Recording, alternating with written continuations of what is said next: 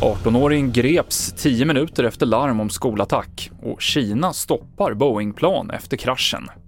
Ja, en 18-årig elev på Malmö latinskola misstänks ha begått dådet igår. Det var två kvinnliga lärare i 50-årsåldern som blev attackerade och senare avled.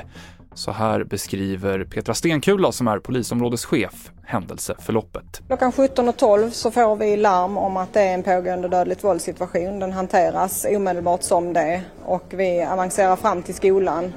Det är lugnt på plats eh, men vi har en initial uppgift som säger att det händer på tredje våningen och polis avancerar dit och klockan 17.22 så har vi säkerställt gärningspersonen men också sett att det finns två stycken eh, mycket svårt skadade personer och eh, utifrån det hanterar vi situationen genom en särskild händelse.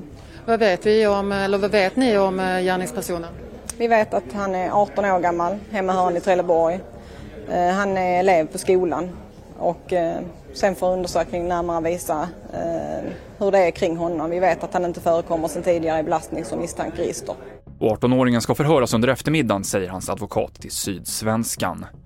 Anneli Schwartz, som är direktör för gymnasie och vuxenutbildningsförvaltningen i Malmö, säger att personal och elever såklart mår dåligt och att man erbjuder krisstöd. Under hela veckan så har vi upprättat krisledningsteam eh, som kommer att vara behjälpliga 24-7 eh, och vi kommer finnas eh, på alla skolor och på andra platser för att eh, upprätthålla möjlighet för alla som har önskemål om att få individuellt stöd. Mer om skoldådet på tv4.se. Man har inte hittat några överlevande efter gårdagens flygkrasch i sydöstra Kina och sannolikt så omkom alla 132 ombord.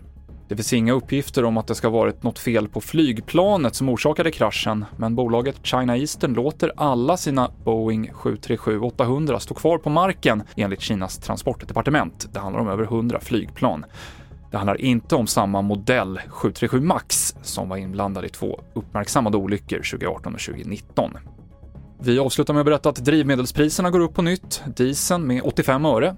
Den kostar nu 25 kronor och 77 öre litern och en liter 95-oktanig bensin kostar 21,49 vilket är en höjning med 65 öre.